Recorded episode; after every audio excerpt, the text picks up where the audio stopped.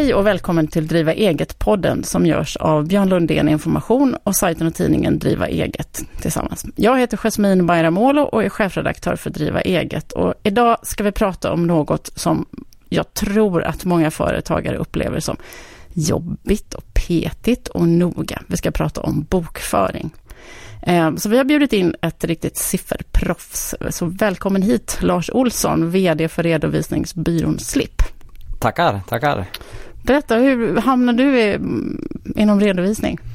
Ja, vad ska man säga? Det var väl egentligen på ett litet bananskal. Det är väl ingenting som jag har eh, jobbat efter från barnsben om man säger så då. Men jag har ju en bakgrund från att eh, jobba med mjukvaror och system på Björn Lundén Information faktiskt. Jaha, okej. Okay. Och eh, jobba som byrårådgivare och de senaste, de sista fem åren där har jag föreläst om hur man ska jobba modernt och digitalt med en redovisningsbyrå hur man ska anpassa sig till den förändringen som sker då. Både mm. affärsmässigt och systemmässigt. Och sen hoppar du av och så blev ja, det chefen blev... sur? Ja, men lite så. men nej, men eh, vi såg ju där, eller jag märkte ju att eh, när man föreläser om det här, alltså branschen i sig ska man passa sig lite för vad man säger, men den är ju lite förändringsfientlig om vi säger så då. Ja, för ni är ju, jag tänkte att vi ska prata mer om det. Det är ju en bransch som står inför jättestora omställningar. Ja, verkligen. Eh, och vid alla sådana här skiften, när det sker stora förändringar, vi hade IT-bubblan till exempel mm. och det är ju de här eh, epokerna det finns stora möjligheter då. Samtidigt som det sköljer över hela branschen som ett hot då, som många ser det som mm. då. Eh, och vi valde ju att se fördelarna och eh, ja, det slutar med att jag gör det själv helt enkelt på den vägen var det.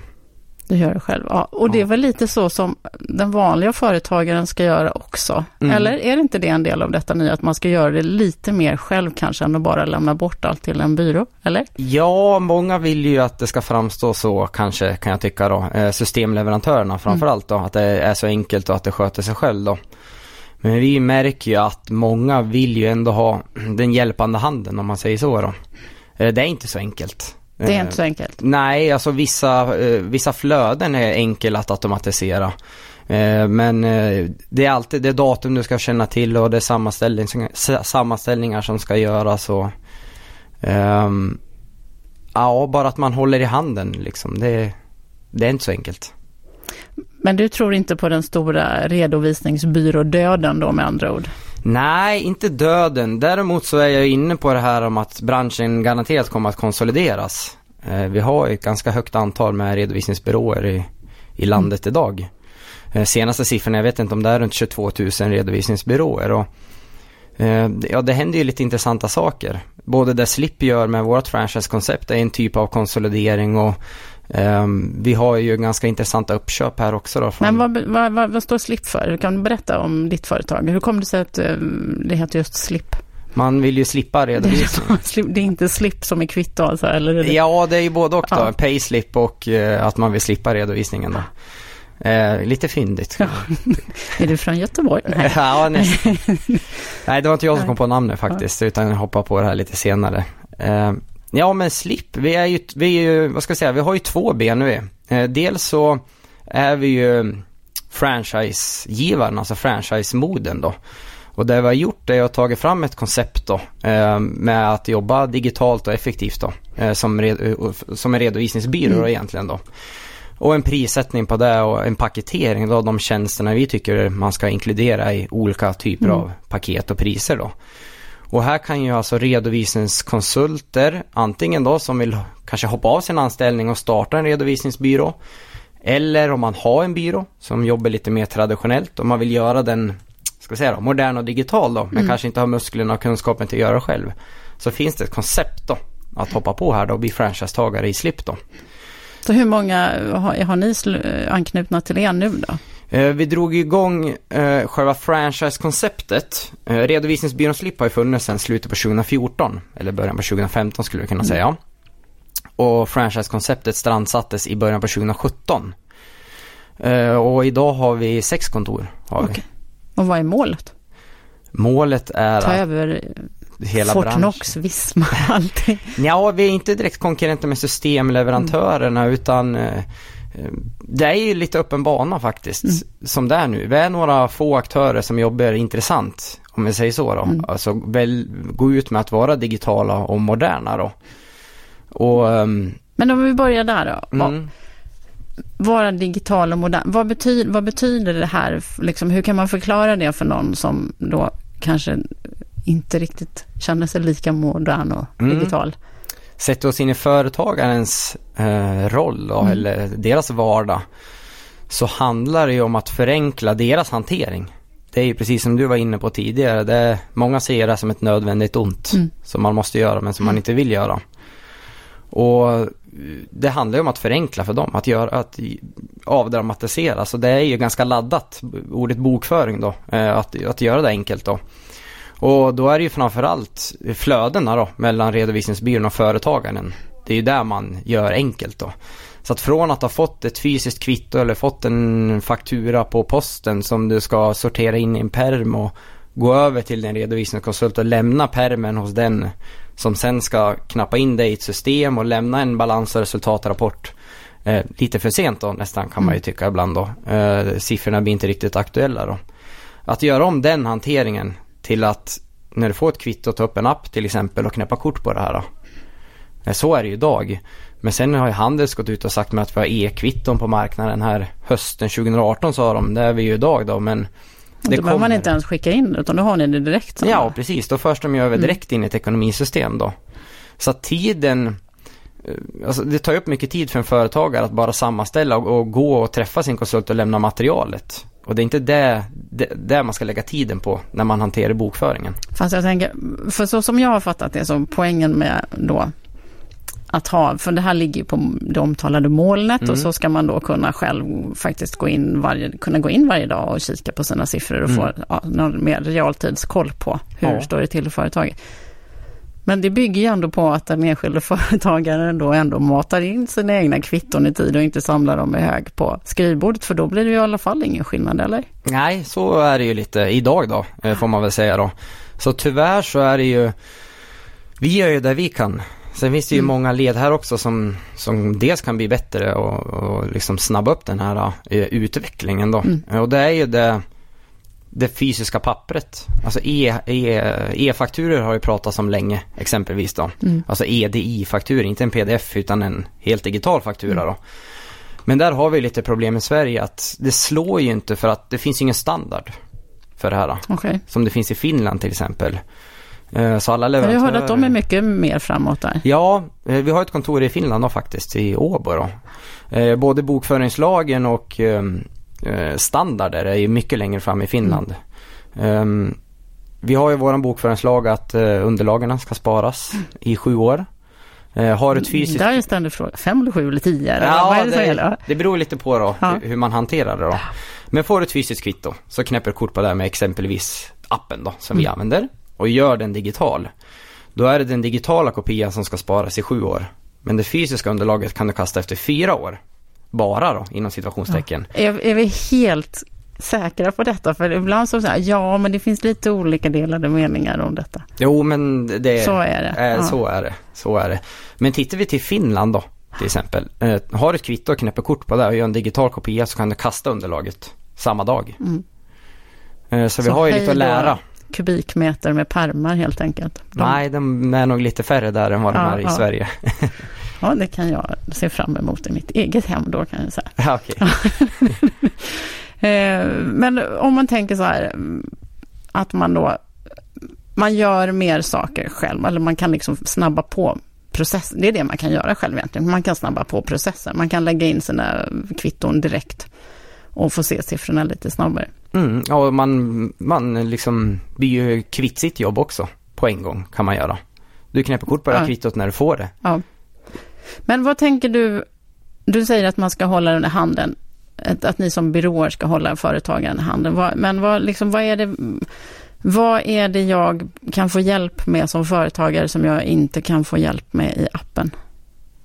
Eh, vi jobbar ju, alltså det vi tror på är ju att jobba så modernt och effektivt som möjligt med hanteringen, om vi säger så Mm. då.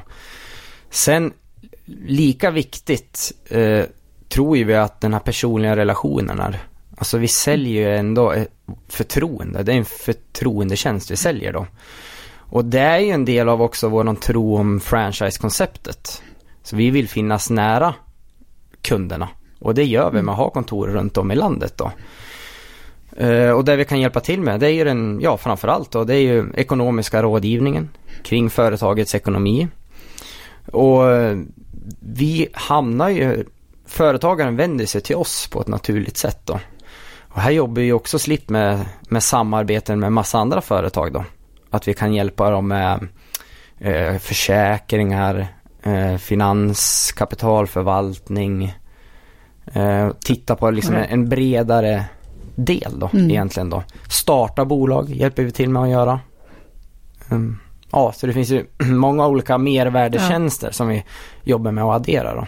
Men jag tänker på hur, hur kunniga är småföretagarna när det kommer just till eh, bokföring, när det gäller, gäller att liksom tolka sina siffror för att kunna dra slutsatser?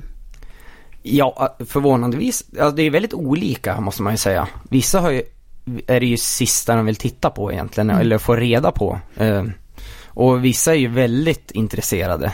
Eh, så att det är otroligt olika. Merparten är nog mindre intresserade kan man väl säga. Mm. och tyda, det är inte en balans och resultatrapport liksom sammanställt med konton och summor liksom. Utan vi försöker göra det så grafiskt och lättförståeligt som möjligt då. Men vad kan du säga vid ett sånt möte till exempel då? då? Ja men det vi tittar på, framförallt där det kommer upp där de, där de vill ha hjälp då, det är i mm. slutet av åren. Ja. Uh, I vinstdelning och skatteplanering och momsplanering och så. Det är ju det naturliga. Um, men sen är det ju löpande, vi, eftersom vi, våra målgrupp är småföretagare. Och um, vi har ju väldigt många kunder som är enskilda firmor till exempel. Och de kommer till ett läge där de vill ombilda sig till aktiebolag. Mm. Uh, och då hjälper vi även till med ombildningen där då. Uh, det är en vanlig Alltså jag tänker, när du sa, här, när du sa, nu, nu är detta då en poddinspelning och inte tv, men när du sa att det finns de som vill veta så lite som möjligt egentligen, så gick det nästan som något som for över ditt ansikte, så man kände bara hjälp, vad är det de inte vill se? Kan det vara lite sådär att man... Ja, inte vill se är väl kanske fel att säga, men de vill inte titta på den rapporten då som man traditionellt har skickat ut. Nej. Så kanske vi ska säga. Men kan det betyda att man kanske reagerar på saker för sent för att man inte har gjort det eller? Ja absolut, så kan det vara. Mm. Så kan det vara. Och det är väl lite vår uppgift också att eh, faktiskt hålla koll på företagets ekonomi då. Eh, och vara aktiv i rådgivningen då, om vi nu ska kalla det mm. rådgivning. Det är så svävande ord men eh, märker vi där att det är någonting avvikande så är det vår uppgift att ja, meddela det egentligen och hjälpa företagaren då. För hur vanligt är det att man gör det tror du, som redovisningskonsult? Eh, pratar du generellt eller på slip menar du? Nej, jag pratar generellt. Generellt? Ja. Nej, det tror jag kanske inte är jättevanligt. Eh, det har väl lite beroende på vilken person man är också. Mm.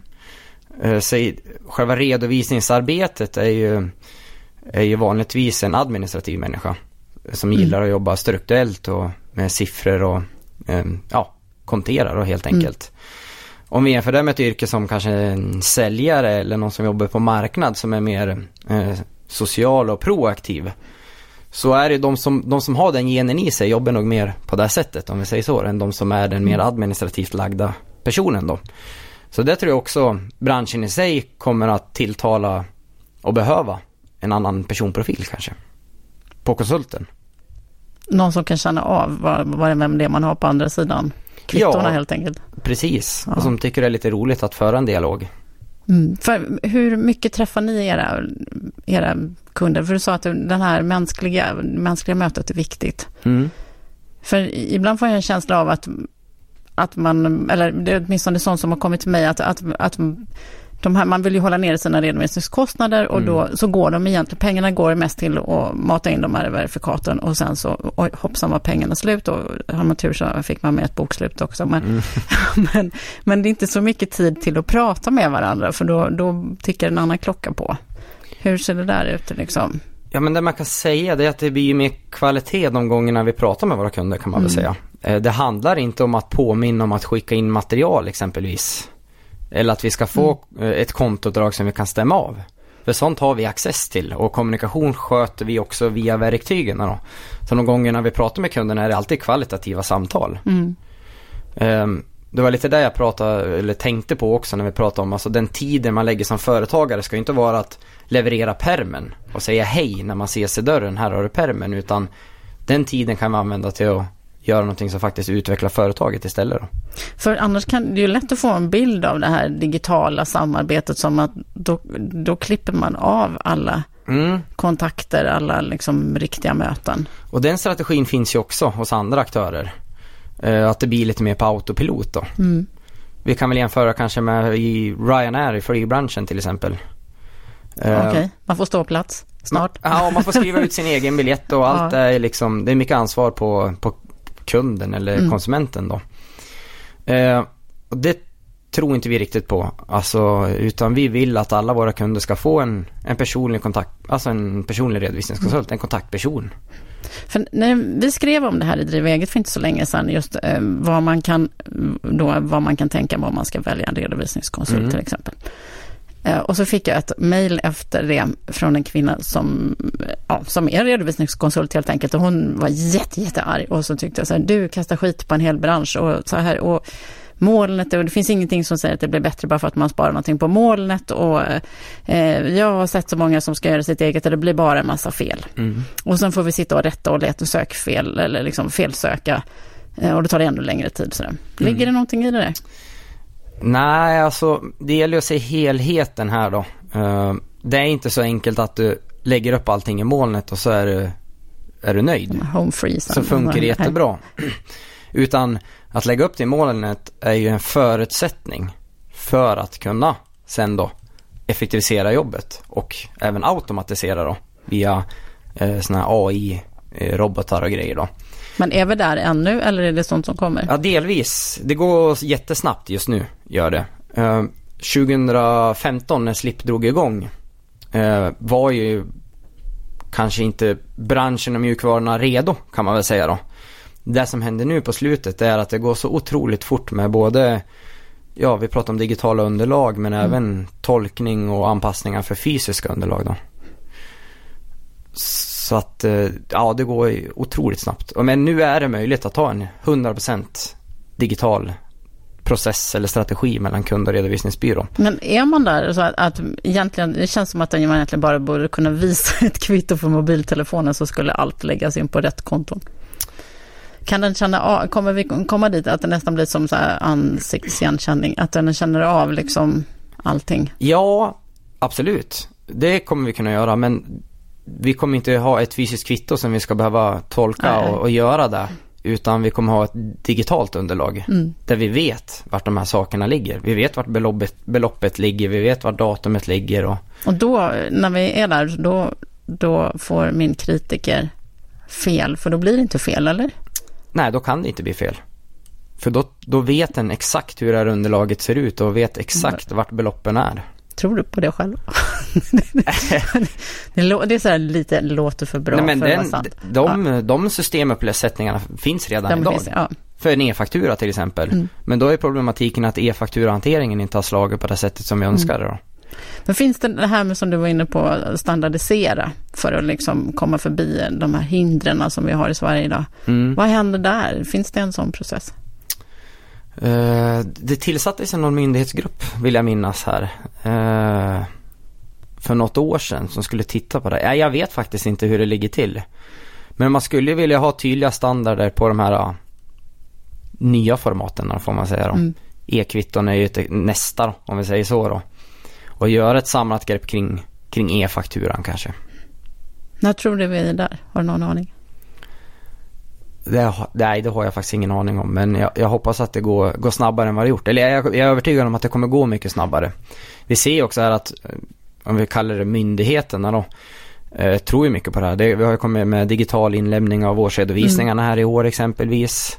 Ja, Skatteverket har ganska mycket på gång. Ja, ja. Skatteverket och, och Bolagsverk har ju lanserat mm. en app så att eh, det händer ju saker även där då. Men det är också en förutsättning för att vi ska kunna jobba ännu mer effektivt och automatiserat och enkelt då, eller vad vi ska kalla det då. Så att det är inte bara redovisningsbyråns ansvar eller kundens ansvar utan det är ju fler led Bankerna exempelvis. Mm. Nu, vi vill ju ha access till banken för att kunna göra olika avrop med att betala leverantörsfakturor och stämma av konton och där kommer EU med en, med en standard PSD2 som gör att bankerna måste ta upp integrationer mot, mot bankkonton då, vilket är Just superintressant då här från i somras. Och det var väl då Klarna och de här jubla också för att det skulle bli lättare för dem att Ja, det ta sig in på precis. bankområdet. Och det öppnar ju upp extremt många dörrar, Mm. gör det. Både det som händer på banken och för oss då, samarbeten med banker.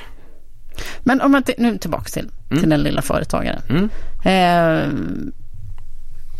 vad, om jag ska nu om jag nu har en redovisningsbyrå som jag kanske vet och då jobbar på ett visst sätt och jag känner att jag vill, jag vill ha eh, ett mer modernt arbetssätt då, eller Mm. hur man, vad, vad ska jag titta efter?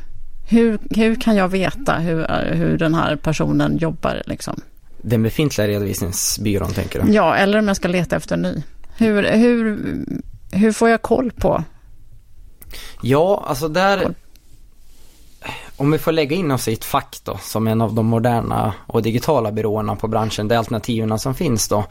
Så vi är ju alla nischade på lite olika sätt. Så att det gäller ju att göra sin lilla research och ringa oss. Och så vi får berätta för vad som gör oss unik då. Men, men själva hanteringen i sig är ju relativt lika. Det handlar om att vi ska göra de fysiska underlagen digitala på ett eller annat sätt då. Och jobba eh, mer eh, realtid uppdatera alltså ekonomin då. Det är liksom generella grejer då. Där skiljer sig inte jättemycket. Sen skiljer sig såklart i mjukvaror och ja men vi kanske tror lite mer på den personliga relation, relationen än någon som är helt digital exempelvis då. Ehm, ja, jag vet inte om du har svar på frågan men det är ju att kontakta. Som sagt, vi försöker Ja. förmedla vårt budskap på hemsidan så gott vi kan och ja. Men det här som du var inne på att, man kan, att byråerna kanske måste locka till sig andra personligheter också för att möta företagarna. Alltså, är, det någonting, är det någonting där som man ska leta efter eller som man ska tänka på när man söker en, en konsult? Liksom, ska man känna av, stämmer vi ihop? Ja, absolut. Absolut. Det kan ju vara en jättebra konsult som har ett, ett jättebra erbjudande eller en jättebra lösning men som man inte funkar med personligt.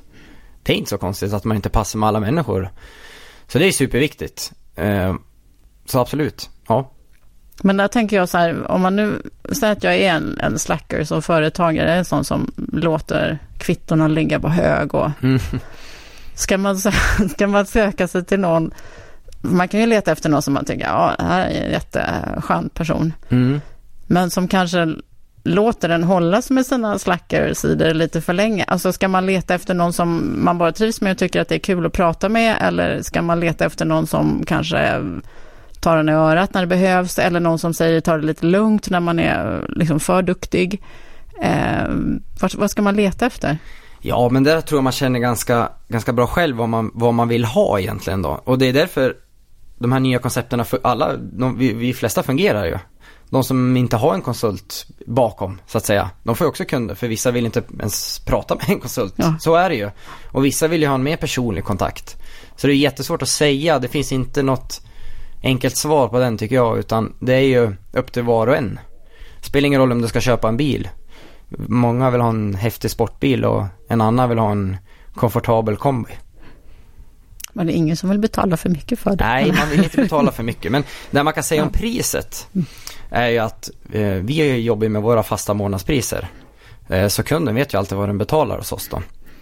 Och här ligger ju ansvaret på oss så att säga att se till att det är effektivt nog då. Så vänder vi på det och jobbar med en byrå som kanske tar betalt per timme. Så innebär ju det för dig som kund att se om jag jobbar med en konsult som jobbar långsamt. Den lägger mycket tid på arbetet. Ja, då kommer jag ju få betala mer.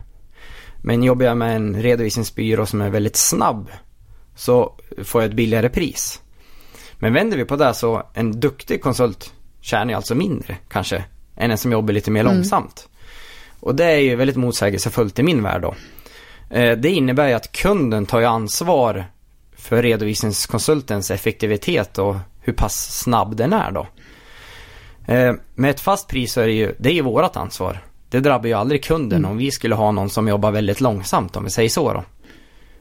Fast man kan få, då kan man få så här, den, jag som är, jag är supermisstänksam. Ja. Då kan man säga, ja, 595 kronor kan det verkligen vara värt? Kan det verkligen vara någon kvalitet i det?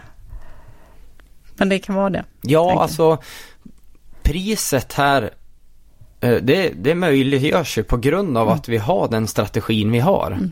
Skulle eh, en kund komma till oss och vilja lämna sina kvitton och, och fakturer på papper så kom, skulle vi aldrig kunna hålla det här priset. Nej.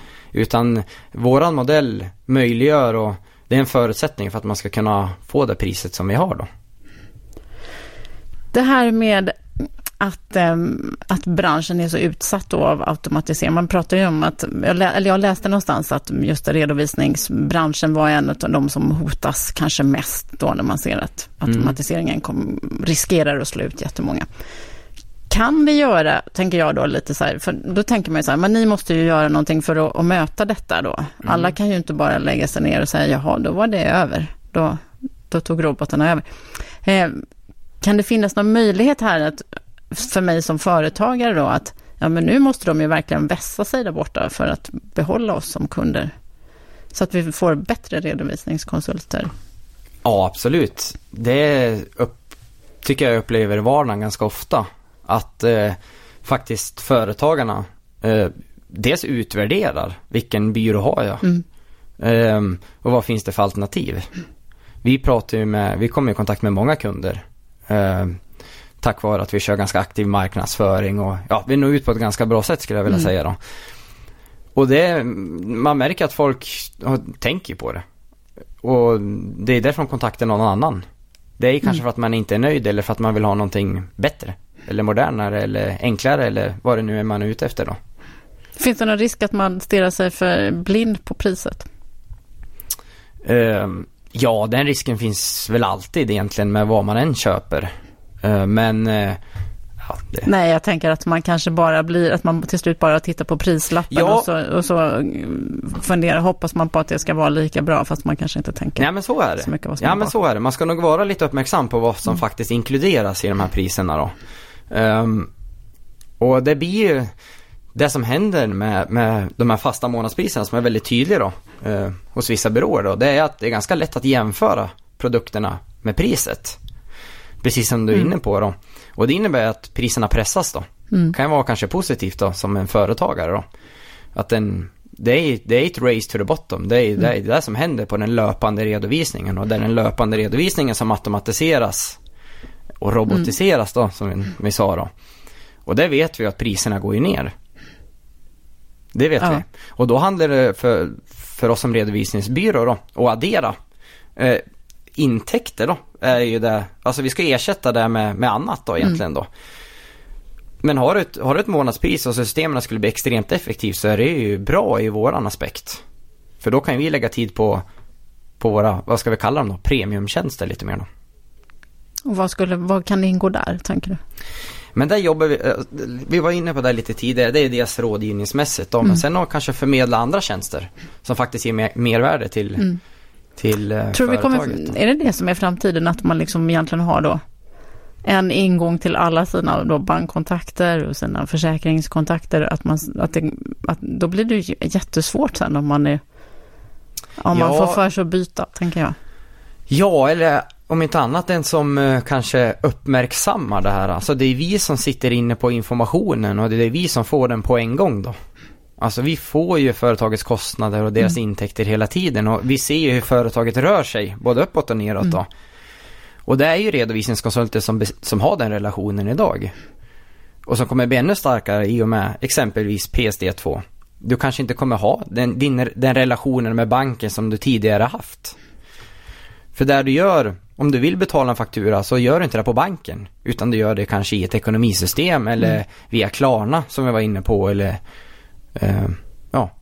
Den relationen, Tar andra vägar, pengarna Ja, tar andra exakt. vägar. Ja. den hamnar någon annanstans och där tror jag redovisningskonsulten har en väldigt bra position. Men jag tänker på det här bara, eh, att man har, en redovisningskonsult kan ju egentligen ha bättre insyn i, i en privat familjs ekonomi än vad företagarens bättre hälft har. Eh, hur känns det egentligen? Ja, det är lite läskigt kanske. Eh, nej men det är det som är viktigt med, med förtroendet som vi Mm. pratar som, ja det, det tror jag är viktigt. Alltså vi säljer förtroende. Och man ska vara trygg med den personen som, som man anlitar som redovisningskonsult. För att det är så pass viktig del i både företagandet Mm. och precis som du säger, det är liksom ekonomin är ju A och O pengar. Eh, och där tror jag också att det lockar ganska många att, att ha någon som faktiskt man har kontakter med då. Än om vi skulle falla till det här och att det är helt per automatik då. Mm. Någon bok, en robot sitter och bokför då. Då tappar man ju den, det personliga, både det som uppmärksammas och, och ehm, ja, kemin mellan varandra. Men det här med att, ha, att man har någon som är utomstående, som egentligen inte är, eh, vad ska man säga, delaktig i företagets vardag på det viset, liksom, Mm. eller som inte tar... Vad, vad kan det tillföra, tror du? Ja men det är ju erfarenheter från andra i branschen exempelvis Mm. kan det vara. Så vi med våran, våran målgrupp och våran modell tilltalar ju som sagt småföretagare och framförallt vi har extremt mycket konsulter. Okej. IT-konsulter och management och fotografer och designers och så. Och vi får ju alltså jämförelsesiffror från andra i samma bransch exempelvis då. Ehm, och här kommer ju också, om vi pratar om digitaliseringen och AI som kommer att eh, nu ska vi dra det för att göra det lite enkelt då. Men vi leker med tanken då att du är en IT-konsult och köper en dator på ehm, ja, Elgiganten exempelvis då. Du får ditt underlag på den, den matas in i ett ekonomisystem och här har du då någonting som tolkar det här underlaget då. Dels tolkar man det för att man vill kunna bokföra. Alltså belopp, datum, vad är det för någonting, vart är momsen? Men sen kan du även tolka Okej, vad är det för leverantör? Det är från Elgiganten. Vad är det för produkt? Det är en dator och beloppet är det här. Och massa sådana underlag har gått in i systemen. Så vi vet att från eh, PC-kompaniet i Borlänge exempelvis då. Där är samma dator billigare. För att där har också systemet då läst av att det är en dator, det är från en annan leverantör. Men det är samma produkt. Vadå, Eh. så då kan du ringa till mig och säga att du vill lämna tillbaka din dator. Jag sa att du, du har öppet köp här i 20 dagar till. Du kan få ett bättre... Ja, men exempelvis Ja. vi kan, ju- skulle kunna rekommendera att man bör se över sina leverantörsavtal med just den leverantören. Är du snickare kanske du ska handla spik på Byggmax istället för Beijer, för vi vet att pri- kilopriset på spik är billigare där. Gud vilken makt ni kommer sitta på. Ja, det, det är inte bara vi, men, men så här, alltså systemleverantörerna, de stora systemleverantörerna jobbar ju ganska aktivt på det här sättet och att det är big data det, som Mm. också Mm. pratas mycket om. Det finns en otrolig massa data runt omkring överallt. Men sen gäller det att göra någonting med den här då. Sen kommer ju GDPR här också då, så det försvårar ju kanske den, jag, jag kan ju inte säga att hos dig till exempel, men man kan säga generellt kan man ju ta fram jämförelsetal då. Mm. Vem gör er bokföring? Eh, Gör ni den själva? Eller? Ja, den gör vi själv. Den gör vi själv. Och där behövs inga utomstående som kikar på det? Eller har, Ja, du, eller har du någon ja, som, du vi har ju revisor faktiskt som kontrollerar oss då. som du rådgör med också då för ditt företag? Ja, precis. Precis. Får du några överraskningar därifrån ibland? Då? Ja, nej, det, det, vi har, man har ju ganska bra koll på, på det man gör. Men sen det blir det, det är ju samma där. De kommer med tips och inflik också. ehm, för att de har en kundstock som de har arbetat med exempelvis då. Ehm, vi har ju lite speciell hantering för att vi är vårt franchise, franchise-modellen exempelvis då. Eh, och, och våran revisor har ju erfarenhet från, från franchise, så då Okej. kan vi dra lite nytta av det då. Så att Mm. det handlar inte bara om själva redovisningen i sig, utan det blir mer övergripande hantering av, av våran administration då, skulle man kunna säga. Ja, men jag tänker ändå att det är det som måste bli lite mer av, alltså både med den här slopade revisorsplikten, nu vet vi inte om den kanske kommer tillbaka då i någon Mm. form, men jag tänker, och sen så också redovisningskonsulten, att det är, att det är det här bollplanket Ja, som, ja men att, det, att, det, att det kanske är den rollen man ja. har. ja men det märker man ju nu när man har kontakt med revisorn. Alltså det dyker upp ganska bra grejer. Även därifrån höll jag på att säga. nej, men, nej men det är bra att lyfta tankarna liksom och lyfta blicken lite från sitt eget också. Att det kommer någon utifrån och ser på det från ett annat håll. Men du, eh, jag tänker bara om vi ska runda av lite. Mm. Eh, säg att jag är, är, jag är en nystartad företagare och ska ge mig på det här med bokföringen. Vad ska, vad, vad ska jag tänka på? Vilka är de viktigaste sakerna för mig att grotta ner mig? Det jag skulle vilja säga det är att där får man alltid ställa sig frågan eh, Ska jag lägga mycket tid eller lite tid på det här? Ska jag göra det jag är bra på eller ska jag låta någon som är bra på det låta det göra det? Eh, vi pratade lite om priser här tidigare också att, eh, att anlita en redovisningsbyrå ehm, det blir billigare och billigare och är det värt att göra det själv? Den frågan får man ställa sig, sig in på det. För ska du göra själv så måste du betala en, i regel då, systemkostnad. Det finns ju gratis system också då. Men du kanske måste ha ett faktureringsprogram, ett bokföringsprogram och dela så att du har ju kostnader även fast du gör det själv då. Och din tid då. Mm. Eh, och det är ju att ställa sig frågan, vill, ska jag göra det jag är bra på eller ska jag låta någon annan göra det och frigöra min egen tid då? Säg att jag bestämmer mig för att låta någon som är bra på att göra det. Mm. Var, hur, hur hittar jag rätt?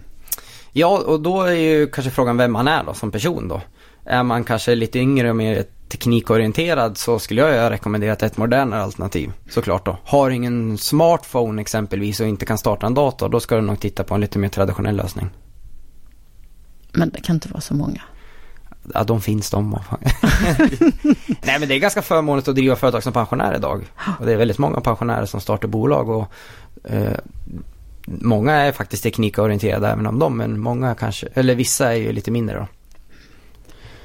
Så den, vad ska jag säga, de som vill, i, idag är ju andelen som vill jobba kanske lite mer traditionellt större skulle jag mm. tro ändå, än av de som vill jobba lite mer modernt och digitalt via en app i telefonen då exempelvis då.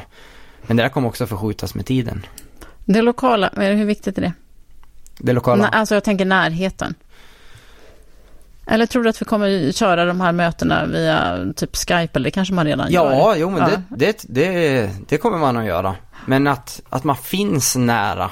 Eh, vill ju, alltså det ska vi också säga att vissa som kontaktar oss, vi har ett kontor i, i Umeå exempelvis. De vill inte ha en konsult i Umeå.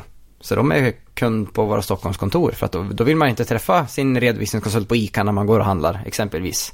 Jaha, du tänker så, man inte vill ha någon ja, lokalt för det, ja. ja. så finns det också. Mm. Så att, um, um, men, men det är en fördel, man kan komma in så att säga och det blir ju mer besöken och mötena då, att ett fysiskt kan ju leda någon helt annan vart än att ha det via, via telefonen då. Men som vi ser nu så funkar det ju väldigt bra via telefonen också. Mm. Hur ser ditt drömscenario ut för ditt jobb om tio år? Vad gör du med din tid då? Oj, om tio år, det var långt Oj, det var långt fram. Ja, fem år då? Fem år? Nej, men jag tror ju att eh, då har vi ett helt automatiserat flöde. Det är jag helt övertygad om. Då har vi en inte, standard här också. Det är inte om fem år heller, utan det är inte så mm. jättelångt bort då. Då har vi, företagaren behandlar inte sina leverantörsfakturor och kvitton fysiskt överhuvudtaget. Utan man har all kontroll i, i ett lättåtkomligt system. I en app då skulle jag gissa. Om det inte är Google-glasögon eller någonting sånt mm. då, det vet jag inte. Eh, men eh, det blir en, en helt annan hantering blir det, kommer det vara. Det är jag helt övertygad om. Och då sitter du bara och räknar pengar? Nej, utan då jobbar vi med att vara den rådgivande personen då och se mm. till så att det faktiskt blir rätt då. Och rapporterna in mot myndigheten exempelvis då. Om det är någonting som man måste göra, det kan ju också ske per automatik framöver då. Mm. Det kommer hända jättemycket. Vi kanske sitter här om fem år igen och ser om det blev rätt eller fel. Ja, sen tror jag inte man får luras heller av att det går för fort. Det går nog lite långsammare än vad vi alla önskar kanske. Vissa Tyvärr. kanske är mer otåliga än andra. Ja, det tror jag. Det tror jag. Lars Olsson, tusen tack för att du kom till Driva eget-podden. Ja, tack själv för att man fick komma. Mm. Hej. Hej.